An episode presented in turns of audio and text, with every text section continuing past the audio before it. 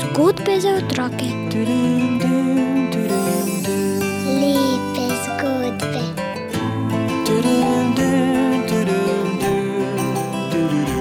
Bere nam jih Juri Sešar.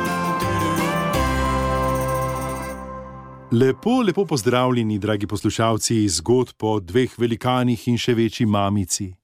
Zgodb, v katere smo naredili uvod v našem zadnjem srečanju. Zdaj pa zgodba o tem, da nekoč že davno tega, da so bili takrat čisto drugačni časi, kot so danes. Že ko so bili vaši starši še otroci, so bili drugačni časi.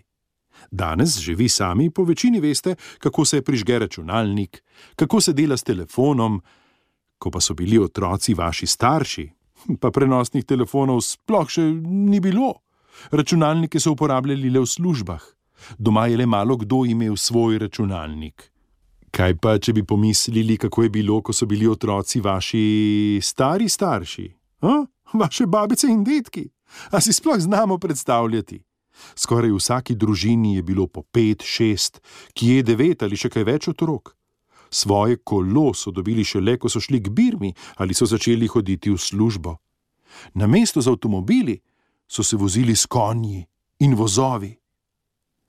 A zdaj spoznajmo, kakšni časi so bili, ko je odraščal eden izmed naših velikanov, tisti brez las in z dolgo brado.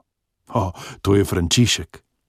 Živel je v Franciji, rodil se je točno pred 455 leti, to je pa že dolgo, a ne?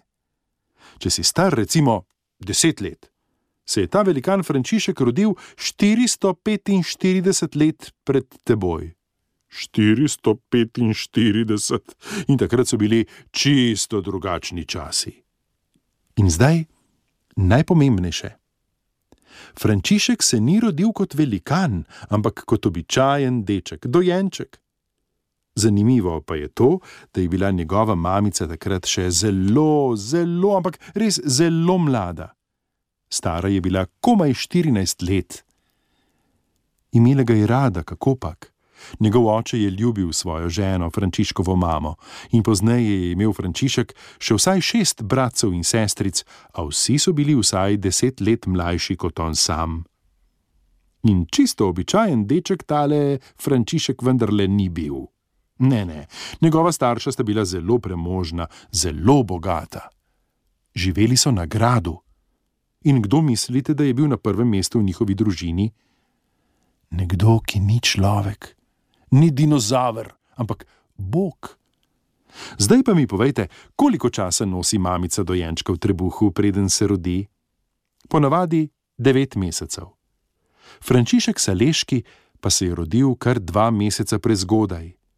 Danes znajo zdravniki že marsikaj, ko beremo, da se je to dogajalo že pred 400 leti, nas lahko prešine misel, da je Bog s tem fantom zares imel posebne načrte v kakšnega velikana je zrasel ta mali deček, to izvemo v naslednji zgodbi.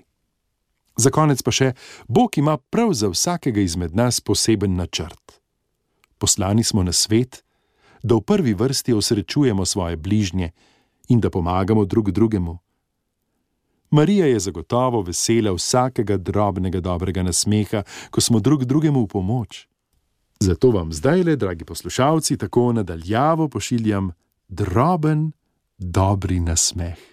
A ja, se ne vem, če sem bil v pomoč. No, s to zgodbo je Tadeja Roblek gotovo bila. Nekaj novega nam je povedala. V naslednji zgodbi pa izvemo, da mi ljudje obračamo, Bog pa obrne.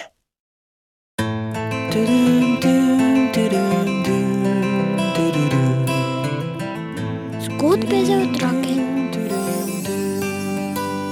Lepe zgodbe.